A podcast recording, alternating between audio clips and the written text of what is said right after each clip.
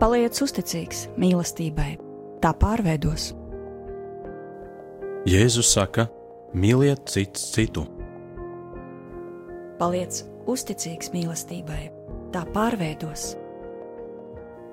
Raidījums mīlestības terapija ir saruna par sevi, dzīvi un mīlestību. Un šo raidījumu vada kristīgi psihologi Ina Grasmane un Marks Jērmaks.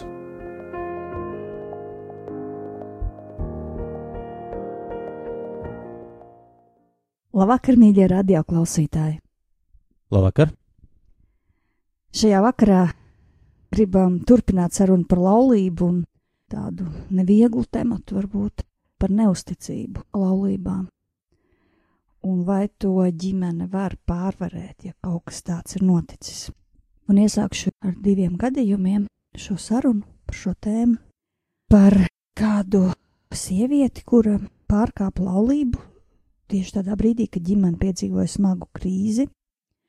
Un principā viņas motīvs bija, viņa gribēja saprast, vai viņa ir normāla sieviete. Jo šī krīze nu, raksturoja tādu viņas pašsajūtu, ka viņa nu, jutās ļoti nenovērtēta un necienīta no sava vīra. Vīrs nekad neuzzināja par šo neusticību, un šī ģimene krīzi pārvarēja bet laulības pārkāpšana palika sievietes dzīvē vai sirdī kā tāds ļoti smags noslēpums. Vīrs par to nekad neuzzināja, bet eh, vai šāds noslēpums ietekmē laulības kvalitāti, laulības dzīvē? Un bieži vien ir ļoti nopietns šis jautājums, cik to atklāt vai neatklāt, ja kaut kas tāds ir gadījies. Baznīcas kontekstā caur grēksūdzes sakramentu iespējams ir varbūtība, ka šis, šī grēka sekas vai ietekme tiek neutralizēta. Bet šajā gadījumā sieviete nebija baznīcā, un šis noslēpums sāka graust tā vaina viņu no iekšpuses un bojāja viņas veselību. Un vēl kāds cits piemērs.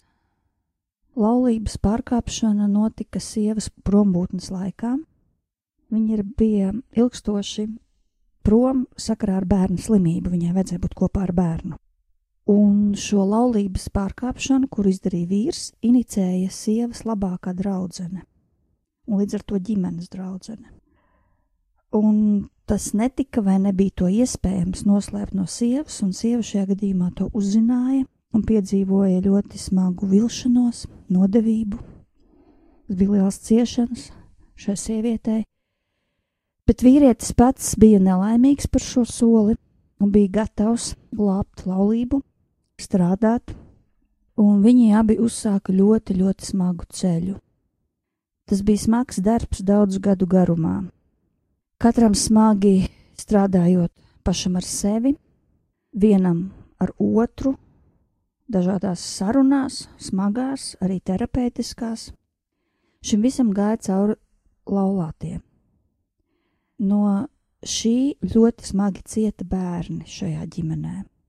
Un šeit notika tā, ka pāris izgāja šo transformēšanās ceļu. Tas tiešām bija ilggadīgs ceļš, bet viņi izgāja un viņi šobrīd eh, dalās arī ar šo pieredzi un to, ko viņi ir ieguvuši šajā ceļā ar citiem cilvēkiem, stiprinot citus. Bet bērni palika iesprūduši šajos sprostos, tad, par ko mēs runājam. Lai arī šī kā, iziešana maksā ļoti augstu cenu priekš viņiem, bet vēl augstāka cena ir skatoties šobrīd uz saviem bērniem, kuri kaut kur ir iesprūduši. Un šeit ir tas jautājums, kā varēja palīdzēt bērniem. Viņi gribēja pasargāt bērnus no šīm ciešanām, kuras cieši paši. Un principā bērni neuzzināja neko par to ceļu, par kuru iet viņi paši.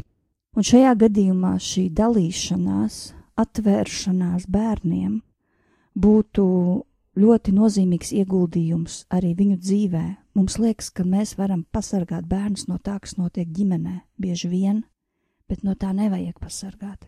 Ir ciešanas, no kuriem bērnus nevajag pasargāt.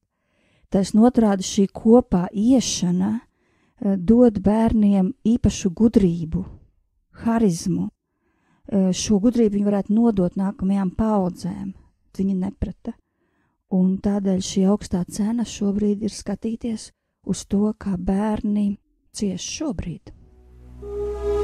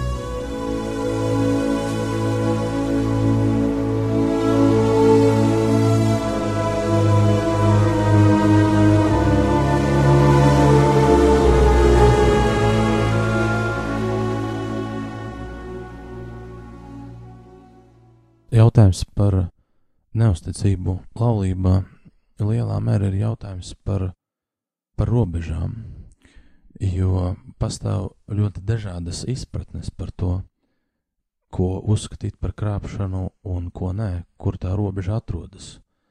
Kas ir tā rīcība, vai, vai domas, vai, vai fantāzijas, kas jau rāda risku esošajām attiecībām.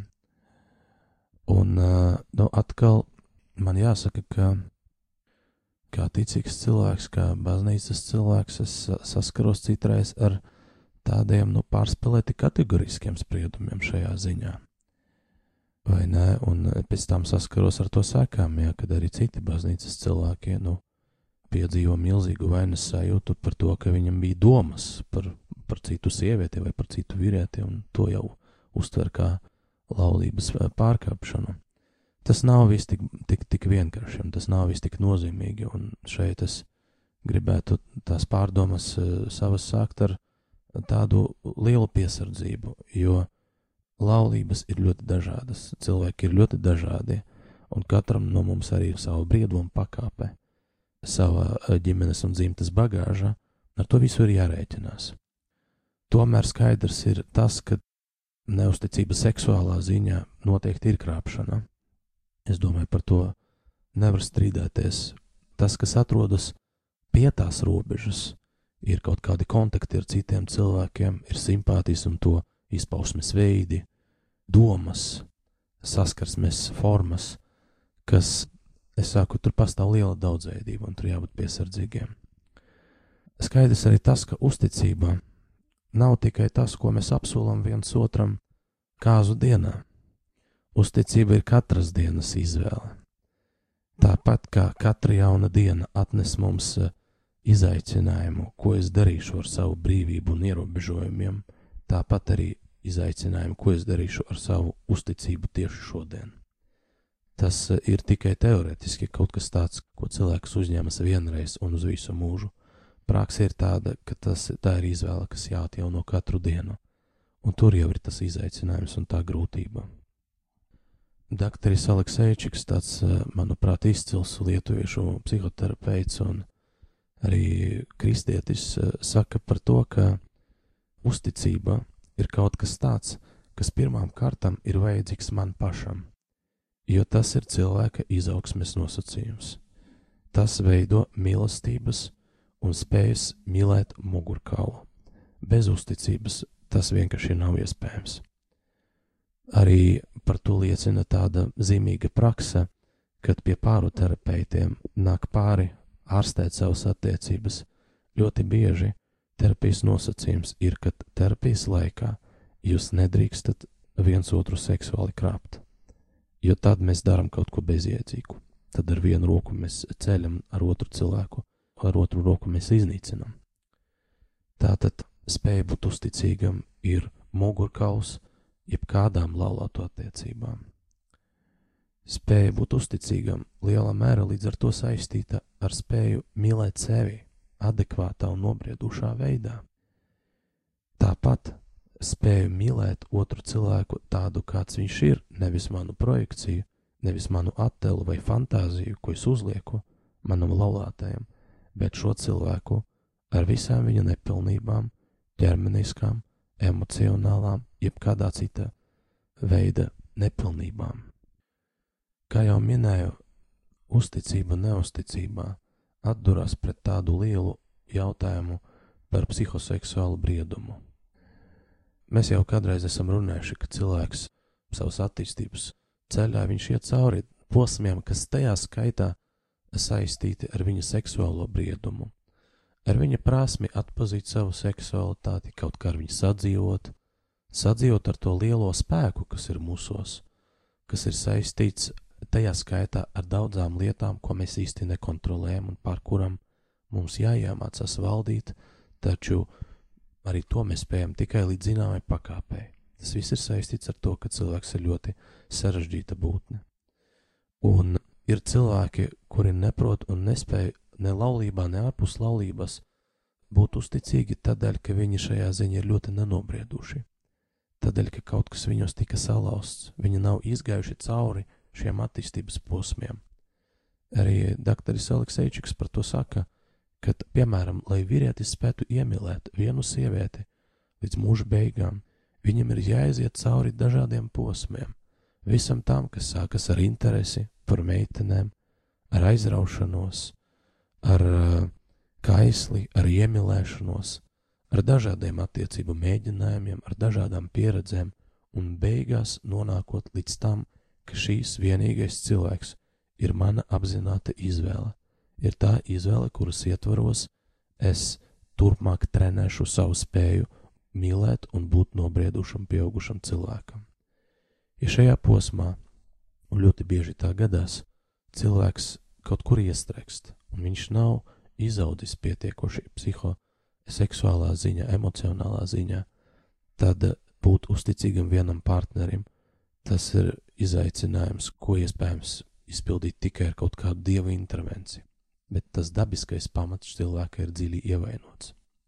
Ja mēs paskatāmies, kas notiek eh, laulības dinamikā, ir eh, pētījumi un ir arī tāda praktiskā pieredze par īpaši smagām situācijām, kas palielina krāpšanas risku, un šajās situācijās laulātajiem ir īpaši jāpievēršas savu attiecību kvalitātei. Tātad no empiriskiem pētījumiem par šo tēmu mēs zinām, ka īpaši augsts neusticības risks saistīts ar krīzes posmiem cilvēka dzīvē. Pirmām kārtām, kad vīrietis un sieviete ilgstoši dzīvo atsevišķi viens no otra.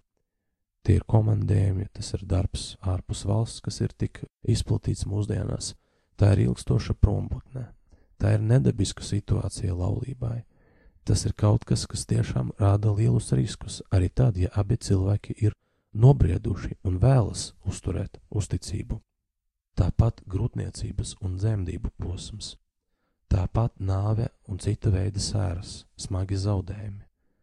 Tāpat laulāta vai bērna smagā slimība, kas rada otram cilvēkam attiecīgi ļoti lielu emocionālu spriedzi. Mazu bērnu audzināšana, kas rada lielu emocionālu spriedzi, un mazi bērni, protams, ka dabiski piesaista mūsu uzmanību un kļūst par mūsu uzmanības centru, un tas ir smagi un grūti piešķirt vairāk uzmanības arī savai laulībai, tad, kad mēs koncentrējamies uz bērniem. Tas nekad nav vienkārši. Tāpat arī divi īpaši dzīves posmi, kas ir paradoxālā kārtā ģimenes veidošanas sākums. Taisni tad, kad abi cilvēki grib būt kopā, bet saskaras ar pirmiem izaicinājumiem, ir liels neusticības risks, jo ir vēlme atkāpties tur, kur ir komforts, tur, kur es pazīstu, tur, kur es zinu, tādā zonā, kur es jau esmu bijis. Un pusmūža krīze ap 40 gadiem, ap 50 gadiem pat, tad, kad cilvēks sāk uzdot sev tādus divus jautājumus par savas dzīves vērtību kopumā.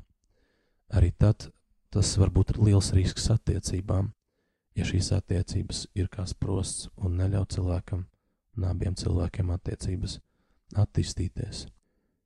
Ģimenes paraugi, problēmu risināšanas ieradumi mūsu vecāku ģimenē un plašāk mūsu dzimtā. Ir daudzas ģimenes, kur konflikti tiek risināti ar vardarbību no paudzes uz paudzi.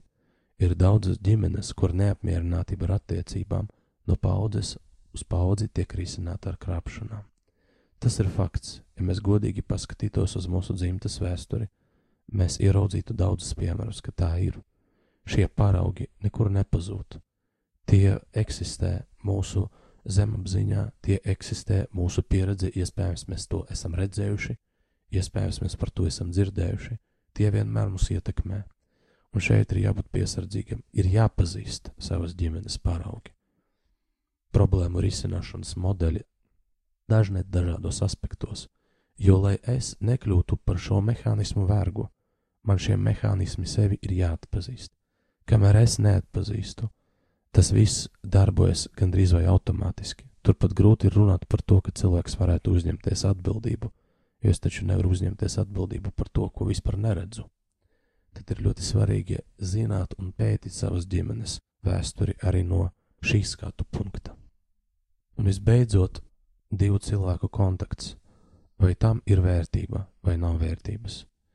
Daudzi no mums esam gājušie cauri tādam posmam, kad sākums bija labs, pēc tam ienāk bērni, pēc tam ienāk materiālas grūtības, un tās attiecības kaut kur vienkārši pazūd. Pazūd no mūsu redzes lokā. Mums neatliek laika, mēs esam noguruši, mēs esam aizkaitināti, mēs esam norūpējušies par naudu, par bērnu veselību, par vecāku problēmām, slimībām, un uh, divu cilvēku attiecības kaut kur pazūd. Mūsu jūtas pazūd, mūsu kopīgas intereses pazūd, interese par otra cilvēka pasauli pazūd, laiks, ko nepavadam vairs kopā, jo ir citas prioritātes, un tad paliek jautājums, nu kas tad mūs vieno? Arī tad, ja ignorējam laulāto problēmas maģiskā pārliecībā, ka tās atrisināsies pašas par sevi, Tas ir tas, ar ko es sāku par psihoseksuālu briedumu. Problēmas nekad nepazūd pašas par sevi attiecībās. Tas vienmēr pieprasa mūsu darbu, mūsu ieguldījumu.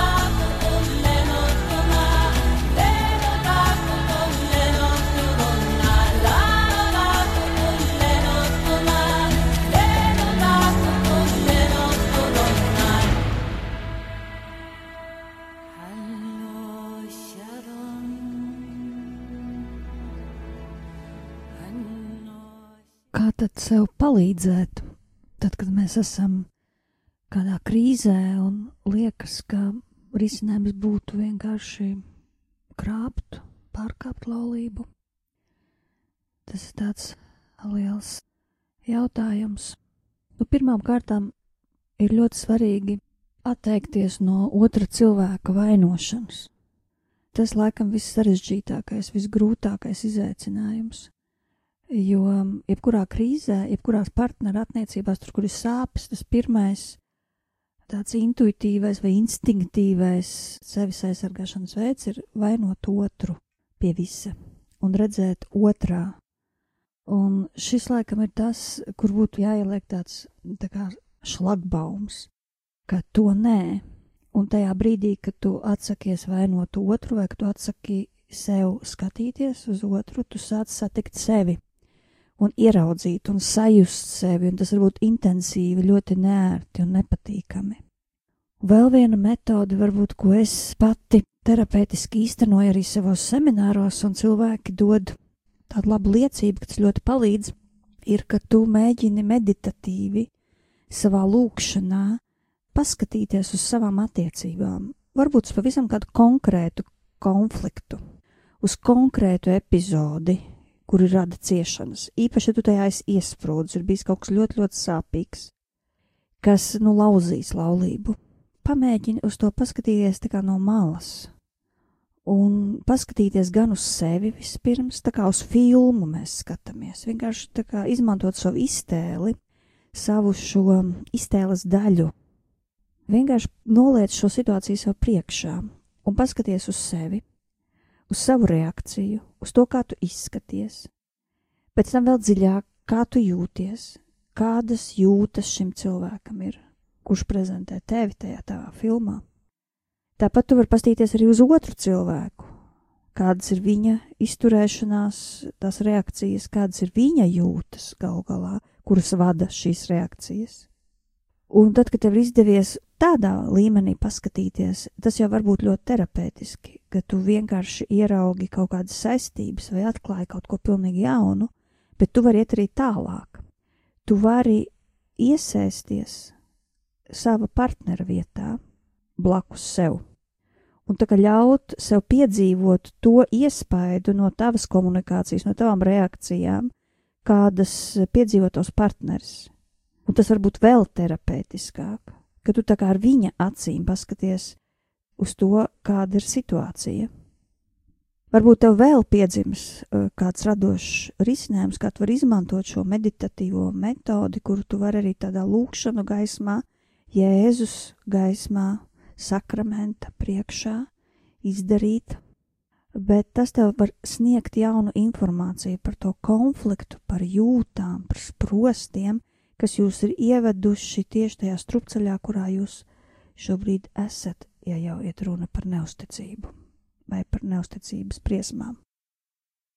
Napoleons Hills savās grāmatās vienmēr uzsver, atslēga ir darbība. Ir jābūt konkrētam pārmaiņām, konkrētām praktiskām pārmaiņām. Un Priekš manis tas galvenais ir laiks. Ja mēs neatrodam laiku mūsu attiecībām, būs krīzes, kuras nespēsim izturēt. Krīzes būs jebkurā gadījumā, taču ir jāatrod laiks. Tas ir liels izaicinājums. Mēs neesam naivi cilvēki arī, nu mēs zinām, ka ģimenes dzīve ir grūti atrast laiku. Ir daudz citu lietu, taču ir jāatrod laiks, kad mēs esam divatā, kad mēs varam runāt par mūsu attiecībām, Iespējams, viens no mums vai abi neesam tādi cilvēki, kuriem patīk ilgi sarunāties par psiholoģiju. Var iziet pastaigāties, var uh, braukt ar rīteņam divatā, var aiziet uz kafejnīcu, var aiziet uz teātri un pēc tam apspriest redzēto, bet ir jābūt tam laikam divatā. Tas ir, tā ir izšķirošā lieta. Bez bērniem, bez vecākiem, bez draugiem. Ir jābūt laikam divatā. Kardināls Višinskis teica, cilvēki saka, laiks ir nauda, es saku, laiks ir mīlestība. Ja šīs attiecības man ir svarīgas, man ir jāieguldā tajās laiks.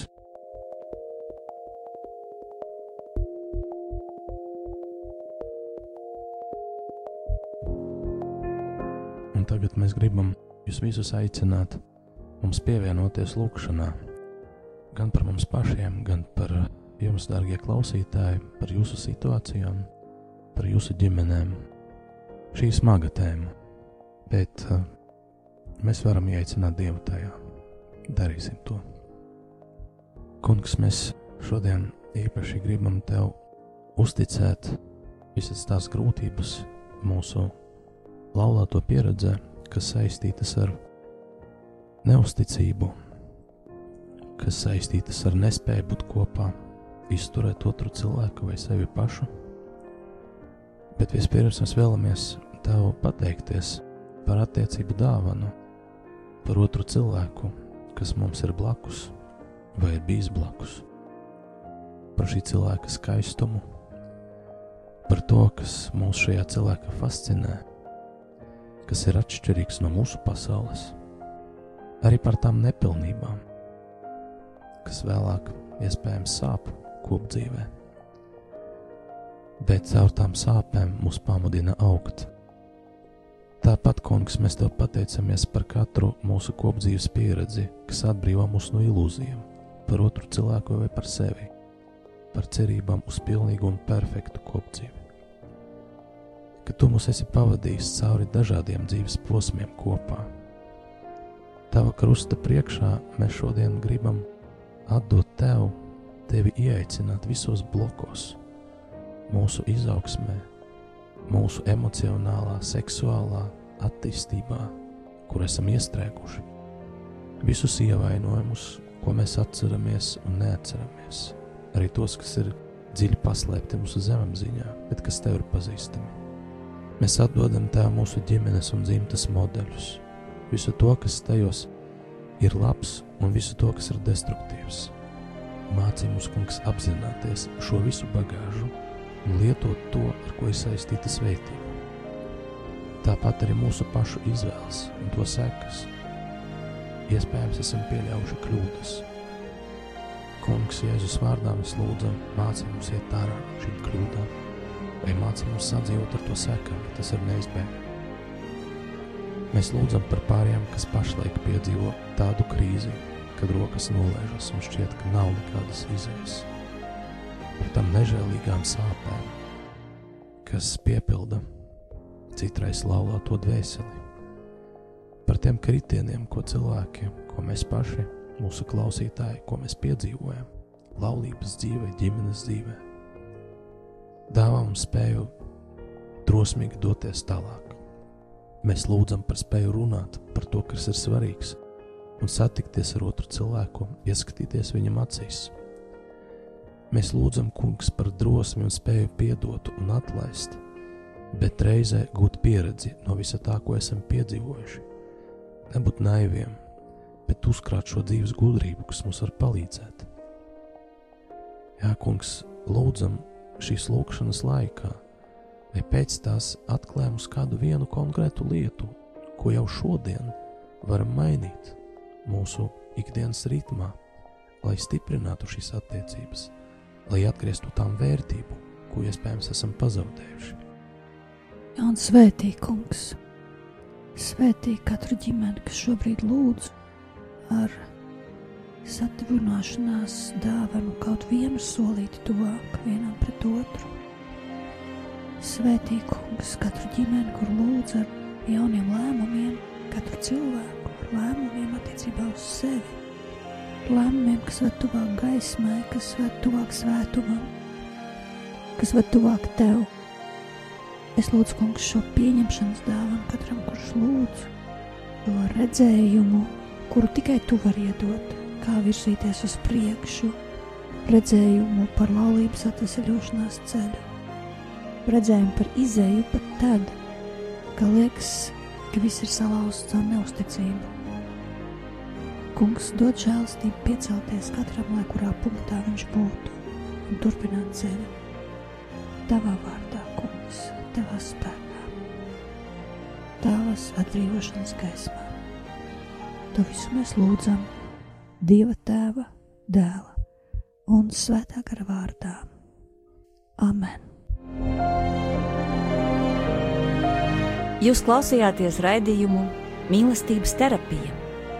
Raidījuma ieraksti pieejami internetā mīlestības māja.clv un tavā sirds.com.